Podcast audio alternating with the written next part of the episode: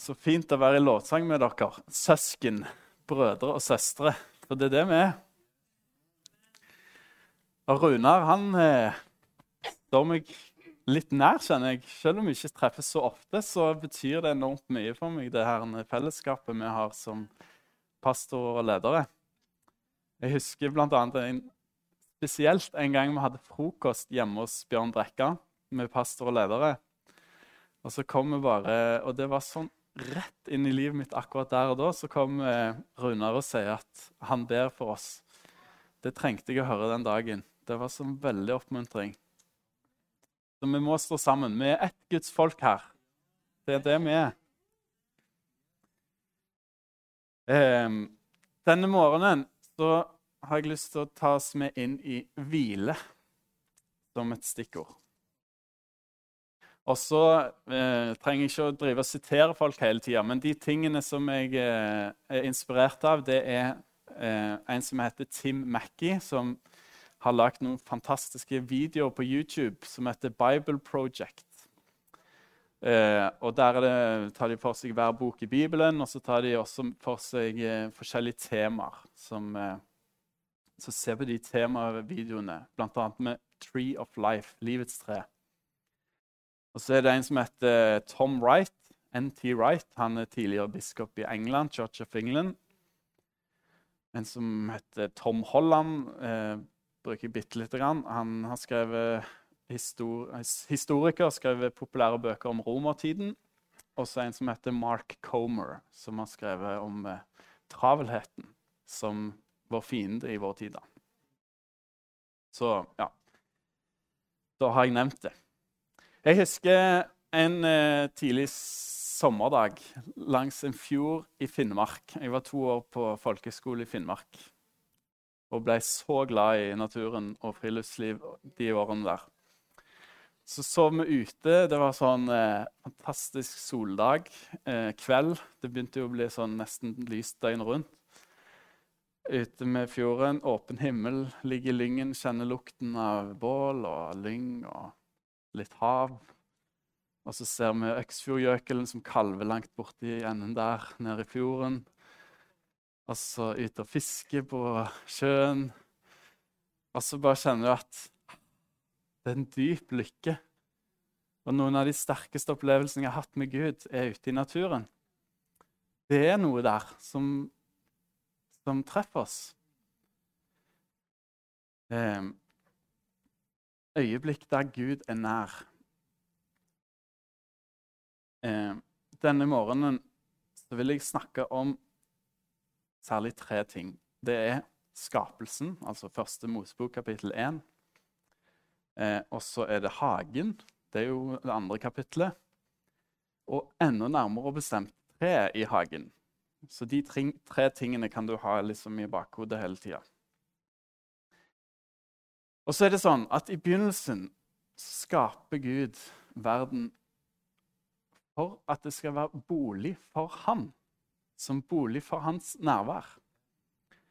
Og han skapte universet, alt som er til, for å dele det med oss.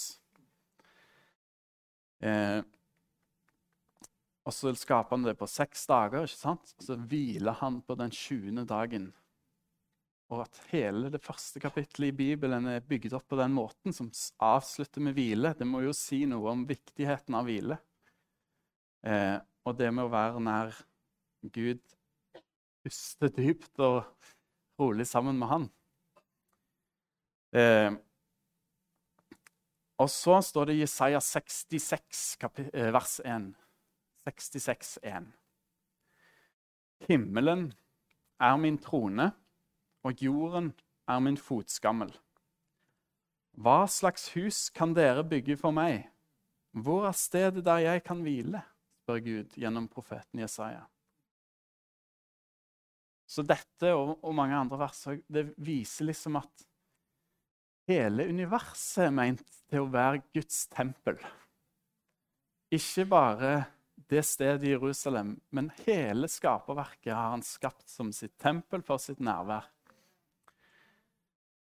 Eh, og Guds ånd hviler i det. Vi kaller, kaller det også for kosmos. Det motsatte av kaos. Sant? Man skaper kosmos. Hele tingene henger sammen på en finurlig, fantastisk måte. Og så går vi liksom rett videre inn i hagen i Edens hage. Stedet der himmelen og jorden er ett. Og Legg merke til alle disse kontrastene i, mellom i hav og jord og i skapelsesfortellingen. Og, så er det kvinne og mann, og så er det komplementært. Det hører sammen som himmel og jord er ett. Sånn er det ment til å være fra utgangspunktet. Og så kan vi høre lyden av den kilden som popler opp. Det er sånn helt tørr jord der. Hører det pop, sildre ut en liten kilde i hagen.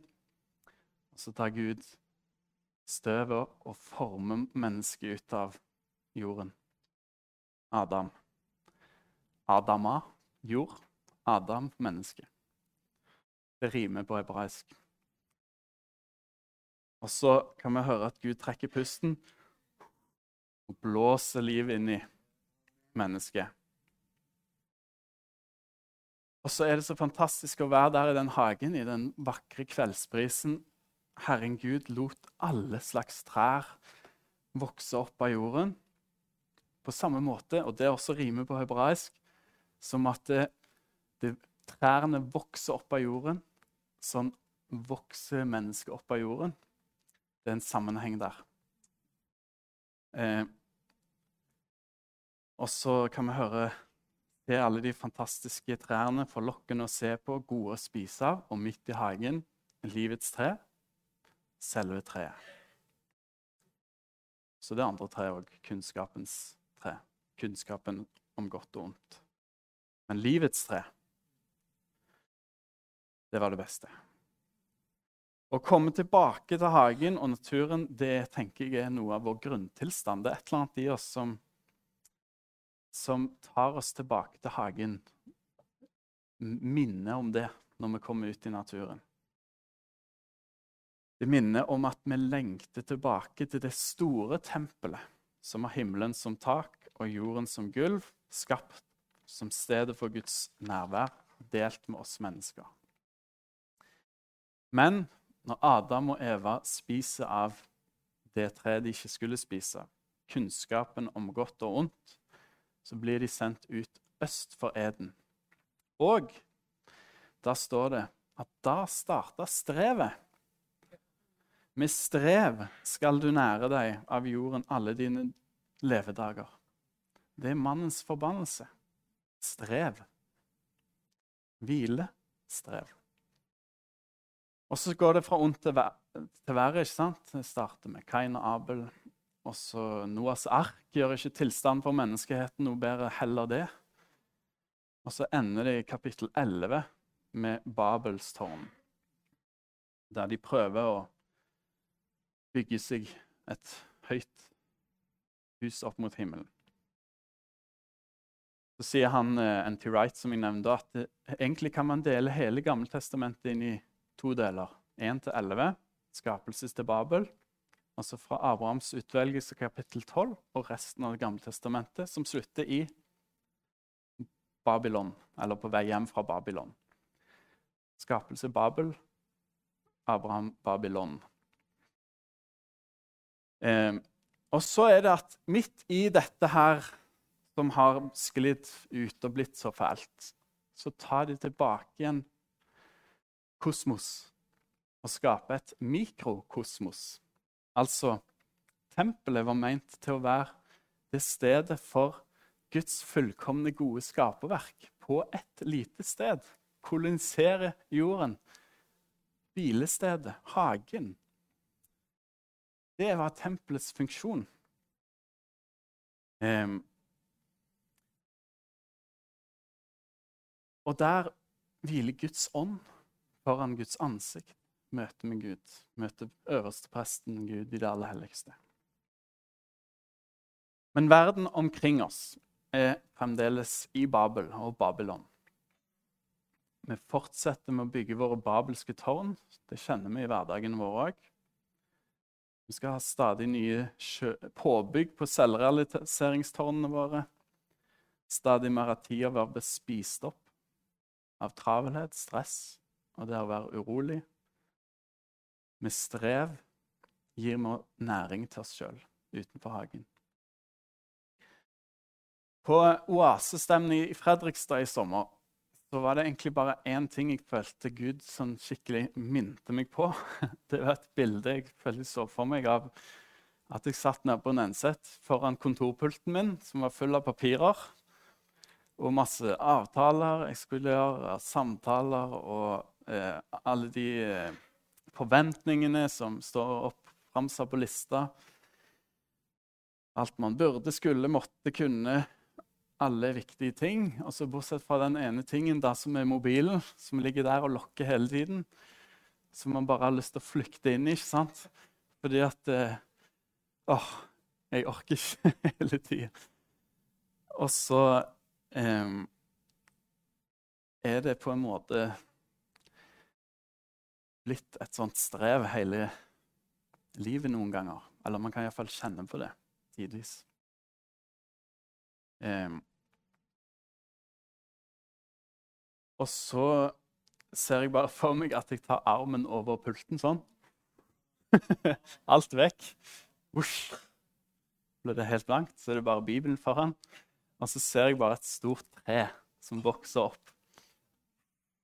Rekker seg opp, og røttene dypt ned i bakken. Eh, og så er det ei dame på Oase som sier det til meg òg, at hun ble minnet på at jeg vil gå enda dypere med deg. Enda dypere. Og det tror jeg han vil gjøre med deg òg. Og så, Seinere denne sommeren så fikk jeg en bok som eh, broren min han sa at eh, det er ikke alltid han er så glad i å lese, men han bare Du må lese denne her. Det, og den, heter, den er dessverre ikke opp, oversatt til norsk ennå, men eh, den heter 'The Ruthless Elimination of Hurry'. Uh, John Mark Comer. Er det noen som har hørt om den boka? Nei? Den hensynsløse elimineringen av hastverk, kan vi oversette det. Og den traff meg veldig. Det er en amerikansk pastor som uh, skriver om hvordan han har tatt noen grep fra å være en sånn megachurch-leder i USA, og så har han på en måte bare tenkt at jeg må snu om på hele livet mitt. For det er dette som er kjernen. Å finne hvilen og gå ut ifra den. Og så tar han for seg, han, han kombinerer det her med den gode bibelske kunnskapen med også forståelse av den tida vi lever i så tar han for seg mobil- og dataindustrien, som påvirker oss som enkeltpersoner, men også fellesskapet vårt som kirke. Um, så sier han iPhone-lanseringen den skjedde i 2007. Det var også det året liksom, Facebook fikk en sånn boost med sosiale medier og sånne ting. Og Da starta det en digital revolusjon som spiser tiden og øker stresset og travelheten vår på en helt ny måte enn før. Også tallene for dette med angst har gått opp i samfunnet vårt blant unge de siste årene. Og mange mener at det er sammenhenger her. Eller åpenbart er det sammenhenger. Studier viser bare at det å være i samme rom som en mobiltelefon det reduserer vårt arbeidsminne og vår problemløsningsevner. Tiden vi klarer å holde fokus og konsentrasjon på én ting, har forskerne sett at det har gått betydelig ned de siste årene. Eh, og smarttelefonen gjør oss med andre ord egentlig dummere. Det er blitt en magisk enhet som stille roper navnet ditt til hjernen din hele tiden, sier han. Tenk litt på det. Jeg kjenner iallfall at det treffer meg veldig. Så jeg eh, snakker like mye til meg sjøl som jeg snakker til dere nå, altså. Så, så siterer han en avhopperen av Google-sirkuset. En som heter Tristan Harris. Han er produktfilosof og designetiker hos Google. Han sammenligne med mobilen med den gamle myntpåkastautomaten som vi hadde i butikkene før. Der man putter på ei krone, og så kunne man liksom slå den krona over. Dere husker de? De er heldigvis avskaffa i Norge. Fordi det er jo bare ei krone. Sant? Men i USA så drar myntpåkastautomatindustrien inn mer penger enn hele baseballindustrien og filmindustrien til sammen. Og det er én krone her, et lite sveip på mobilen der. En liten Skal bare sjekke. Skjønner dere sammenligningen med mobilen? Hele tida tilgjengelig. Alt er jo greit, det er jo bare så lite, liksom. Men egentlig så tar det enormt mye av livene våre. Og så er, sier han da, som eh, har jobba inne i industrien og hoppa ut av det og ikke orker å være med på det lenger, at eh, eh, han innser at hele industrien intensjonelt i dag er designa for distraksjon og avhengighet. Fordi det er der pengene er. Veldig intensjonelt og ja. Og det er noe som vi trenger å være bevisst på i vår tid. At vår kapital er tiden. Og den står det en heftig kamp om. Netflix-sjefen han skal ha sagt på spørsmål om hvem som er hans største fiende, er det Facebook? Nei, men det er nattesøvnen til brukerne mine, sier Netflix-sjefen. Skjønner? Det er den de vil ute etter. Tidslinjen din. Der din skatt er, der er hjertet ditt. Der du velger å gi din tid, er hjertet ditt. Og så, om ikke vi personlig nødvendigvis har veldig store problemer med dette, så, så har samfunnet det. Og det vil derfor også påvirke våre sammenhenger og fellesskap. Um, vår tid er et babel av travelhet som fører til forvirring, rotløshet, eh, stress, angst, motløshet, og så er det akkurat sånn falskt tre, det der travelhetsstrevetre som vi driver og bygger. Sant? Det er kunnskapen om godt og vondt. Vi skal prøve å komme oss høyere og fortere fram. Og... Men det stedet der vi egentlig lengter tilbake igjen til, er hagen. Til det ekte treet, til livets tre. Vi lengter tilbake å være der som ikke strevet er lenger. Der vi finner hvile for sjelen. Kona mi hun vokste opp i Afrika, i Kamerun. Og hun har litt afrikaneren i seg. Kanskje vi trenger litt mer av den, vi alle sammen. Å bare kunne sitte under mangotreet og bare la tankene fly. Og ikke være så opptatt av alt det vi skal få til å gjøre og prestere hele tida.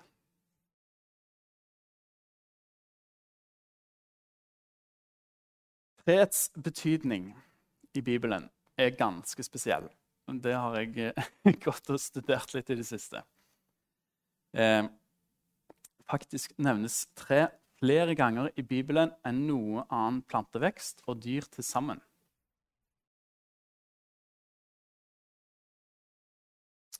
Eh, og hvis vi ser på oppbygningen av skapelsesfordelingen og andre Mosebok i hagen, eh, første Mosebok i hagen, så ser vi at det, det, er et poeng at mennesker er som trær.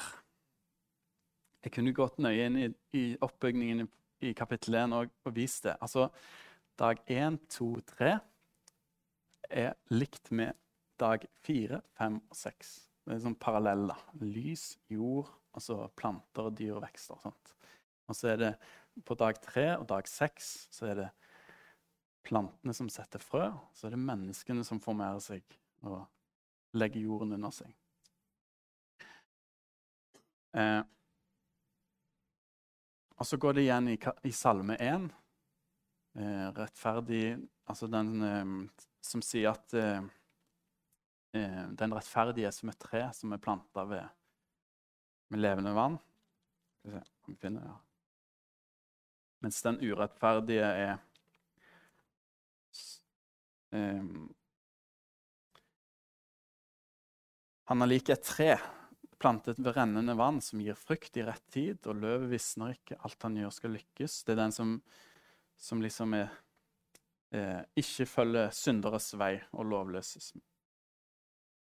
Eh, det er de to trærne. Eh, og så er det på en måte som at på samme måte som eh, eh frukten av trærne eh, gir frø, så er det et symbol på evigheten.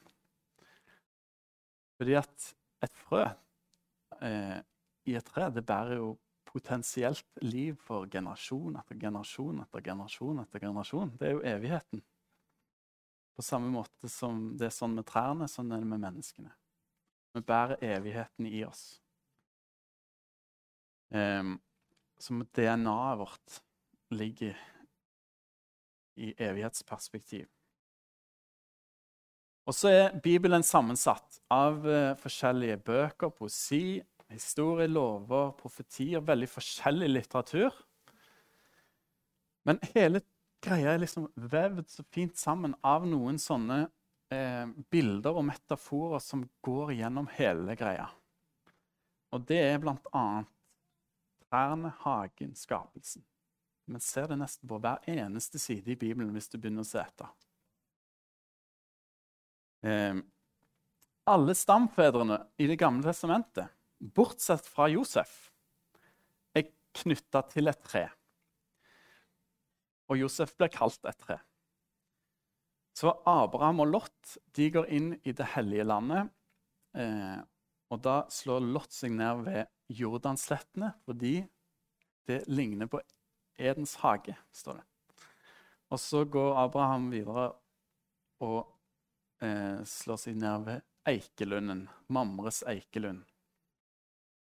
Aron han har en stav som blir til en blomsterlignende gren i Og det er den greinen som ble lagt sammen med tre, totalt tre ting i paktkisten i det aller helligste.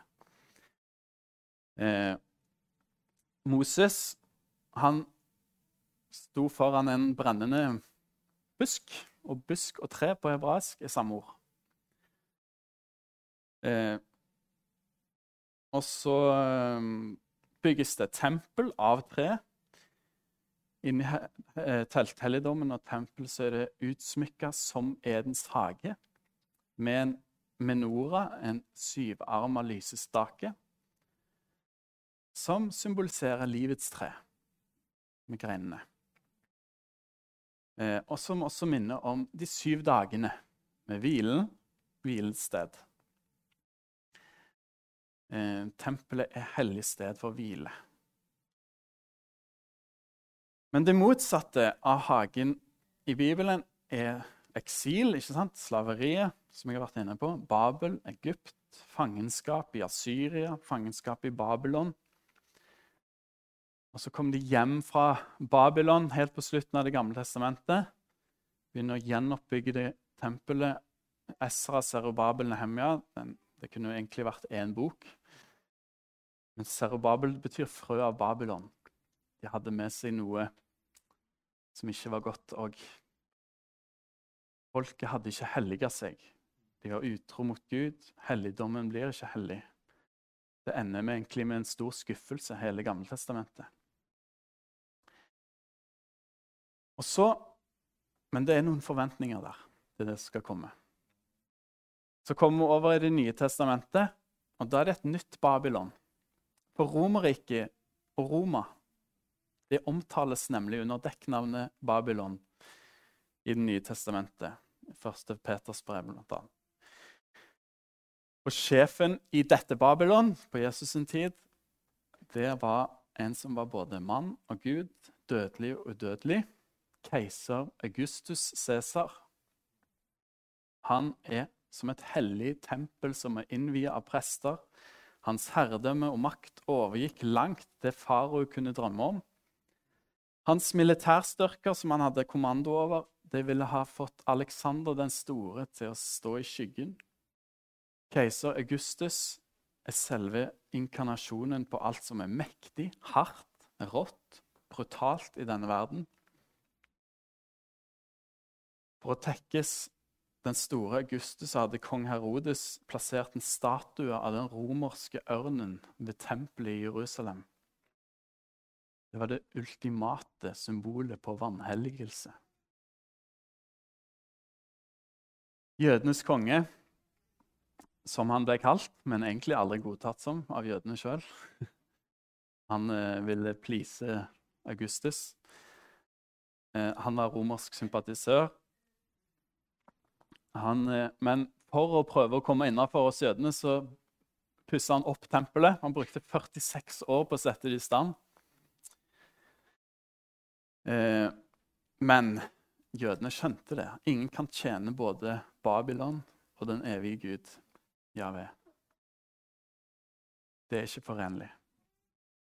Men så er det at en fattig jødisk rabbi fra Galilea stiller seg opp på tempelplassen og roper ut 'Riv ned dette tempelet, og jeg skal reise det opp igjen på tre dager'. Skjønner dere at det er ganske provoserende ting å si? Han taler egentlig om sin egen kropp som et tempel, men det ser ikke denne verden. Ser bare det ytre. Tempel som skal reises opp igjen av graven. Så klart det er provoserende. Eh, og så blir også Jesus kalt udødelig Nei, dødelig og udødelig. Det er noe med han, sant? Ikke ulikt Herodes blir han kalt jødenes konge. Men han er konge av en annen verden. Midt imot romermakten, midt imot Herodes, og ikke minst midt imot de jødiske lederne som hadde gått seg bort på de ville veiene, så taler han sannheten rett fram. Han, Jesus Kristus, er tabernakelteltet, er telt, er tempelhelligdommen sjøl, som tar bolig blant oss. Møtestedet for Gud og mennesker. Ja, hele mikrokosmos i én person. Han var til før alle ting ble til. Han var Ved skapelsen var han der.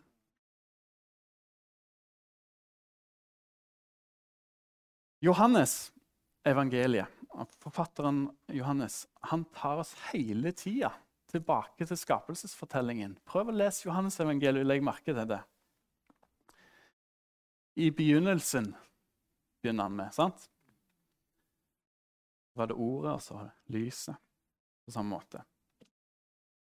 Det sies, De som har peiling på sånn, eh, forsker på oppbyggingen av tekstene, de kan se at det følger akkurat samme mønster. Første Mosebok kapittel 1 og Johannes kapittel 1. Altså Når man kommer til der Jesus tar bolig blant menneskene, så er det der Gud skapte mennesket i sitt bilde. Og så blir Jesus stilt for domstolen hos Pilatus på den sjette dag i uken. På den syvende dag hviler han i graven. Skjønner du? Første Mosebok, kapittel 1 skapelse, hvile, syvende dagen. Og så står han opp den første dagen i uken. Altså, det er noe som skapes på ny. Skapelsen starter på ny, nyskapelsen.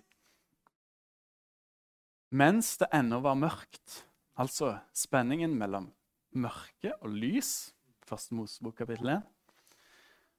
Og så går han ut i en hage. Og han møter, og For å liksom understreke det, så sier Johannes at han blir tatt for å være gartneren. Um, han er vårt nye tempel, vår nye Edens hage. Hvilens sted.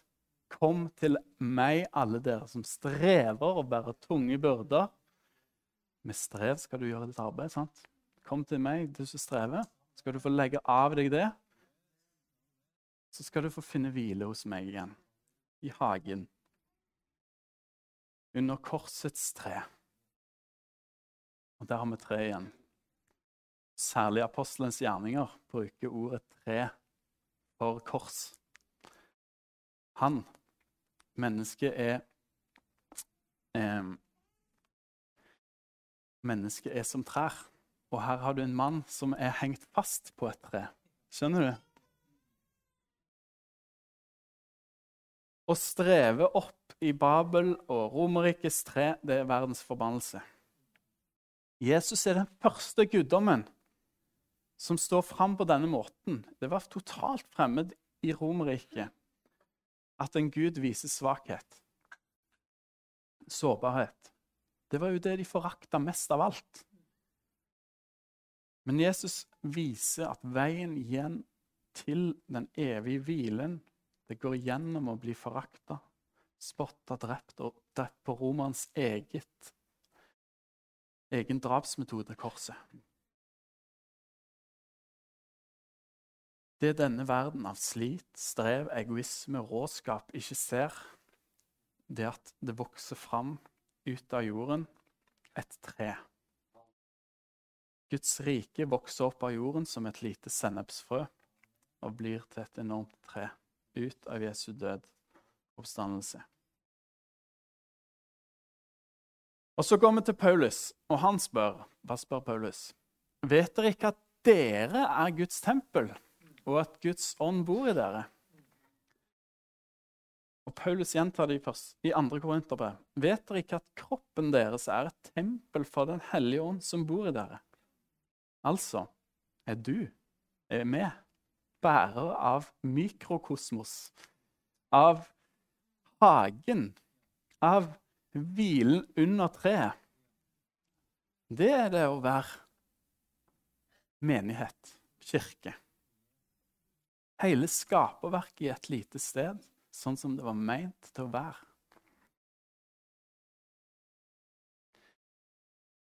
Så ved Hans nåde og overstrømmende kjærlighet så har Han ved sin ånd gjort oss til bærer av sitt tempel, åndelig tempel.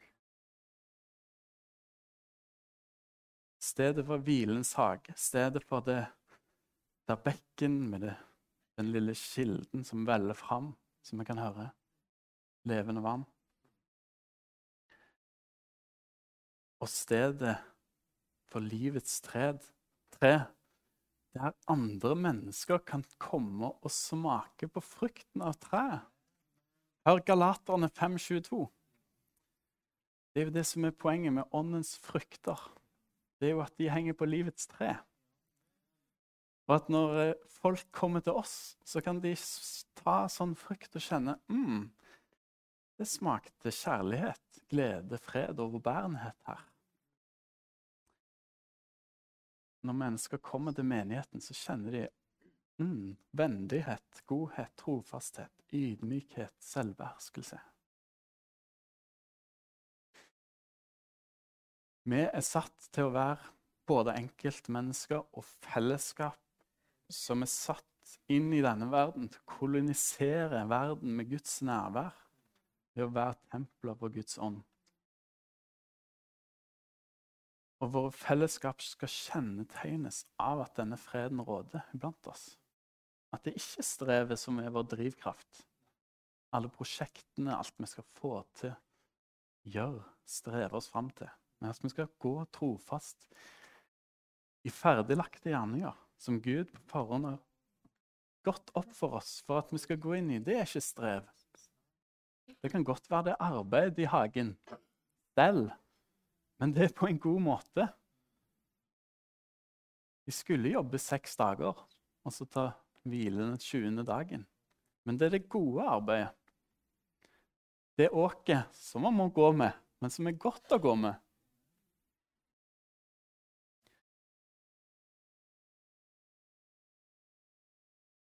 Å jobbe i Guds hage er bare en velsignelse. Kun. Men vi kjenner dragkampen i livet vårt, så det er liksom ikke til å komme unna. Men å finne stillhet i egen hverdag er en nøkkel, kjenner jeg. Nå har jeg iallfall fått til å begynne hver morgen sånn ordentlig fred og ro. Og alltid hatt lys tent på kontoret. Det merker jeg gjør noe med hele stemningen. liksom. Hele tida bare tenne det fra morgenen av. Gå ut ifra hvilen. Og så koker det litt av det. men så er det liksom hele tida den tilbake igjen til at vi går ut ifra hvilen. Den første dagen i uken sto han opp. Derfor var jo Derfor var jo søndagen først i kalenderen opprinnelig. sant?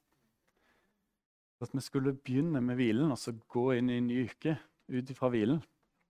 Så tenk på denne dagen i dag som første dagen i den uka som ligger foran deg nå.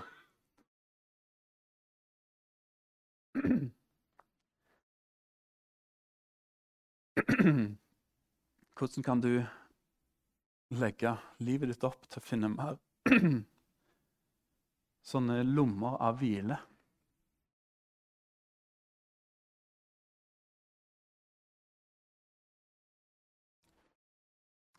Holde hviledagen hellig. Det kan også være en kamp noen ganger.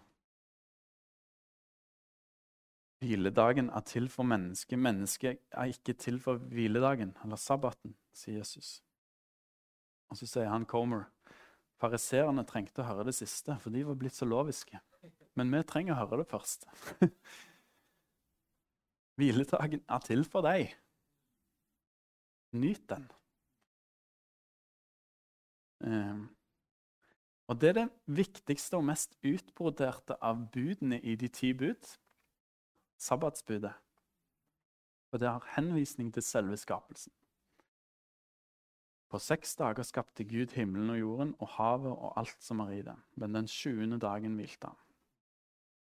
Ei som heter Corrie Ten Boom, hun sa at hvis djevelen ikke kan få deg til å synde, så vil han gjøre deg travel i stedet.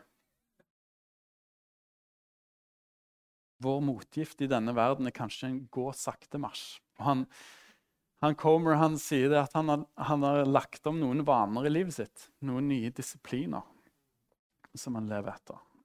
Veldig mye bra å hente der. En av de morsomme tingene er at han har begynt å velge den, den lange køen i butikken. Skjønner du? Bare for å tenke annerledes.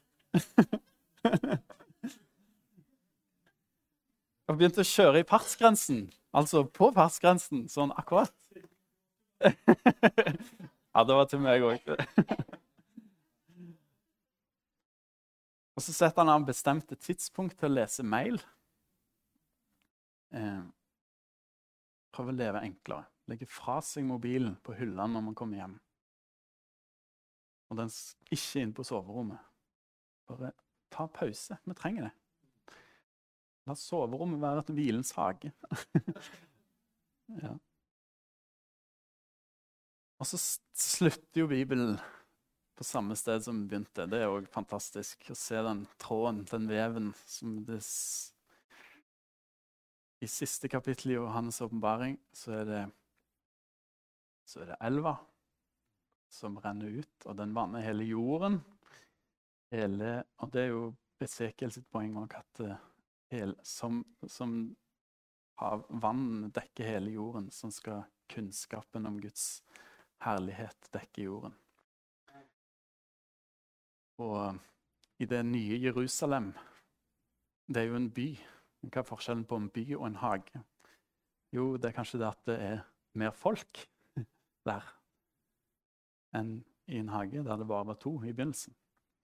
Men det er en skare av mennesker som lovpriser og jubler til Gud. Priser hans ære. Så er det en ny himmel og en ny jord det nye Jerusalem stiger ned fra himmelen, gjort i stand og pyntet som en brud for sin brudgom. Komplementært himmelen og jorden sammen på ett sted, som i hagen. Og der er livets tre, som bærer frukt hele tiden. Og det er veldig konkret òg. Vår destinasjon er en hage. Altså, det er utrolig fint og flott og vakkert å være der. Og jeg tenker det er så enormt mye mer konkret og fysisk sted. Oppstandelsen. Sånn som Jesus gikk ut i en hage. Sånn blir det etter døden når vi gjenoppstår. At det er et fantastisk vakkert sted å være, og godt fellesskap. Og det fokuset på nyskapelse Jeg kunne snakke enda mer om det, men det gir også noen eh, perspektiver på skaperverket, som i dag lederne våre driver og bærer i hendene sine. ikke sant? De store klimatiltakene og alt det der. Vi skal ta vare på og forvalte hagen vår. Ja, men det kan jeg snakke om en annen gang, sikkert. ja. Men eh, jeg har lyst til at eh, eh, vi kan reise oss opp, alle sammen. Eh, og så er jeg litt fri, fordi jeg er sånn uh, oasemann. Så. Og så kan vi bare lukke øynene og holde ut hendene sånn og bare ta imot. Takk, Herre Jesus, for at du har en hage du vil plante i oss. Og Herre Jesus, du ser alt det som vi strever med, å bære tunge byrder og, og vedheng og forventninger og stress og kaos og alt det som tar motet fra oss, Herre. Vi kaster det på deg. I Jesu navn så legger vi det over på deg, Herre. Og Herre, la oss få høre suset av den stille vinden i hagen, Herre. Lyden av skjør stillhet. Der det er hvile, Herre. Der vi kan komme og drikke av din elv. Spise av din gode frukt, åndens frukt.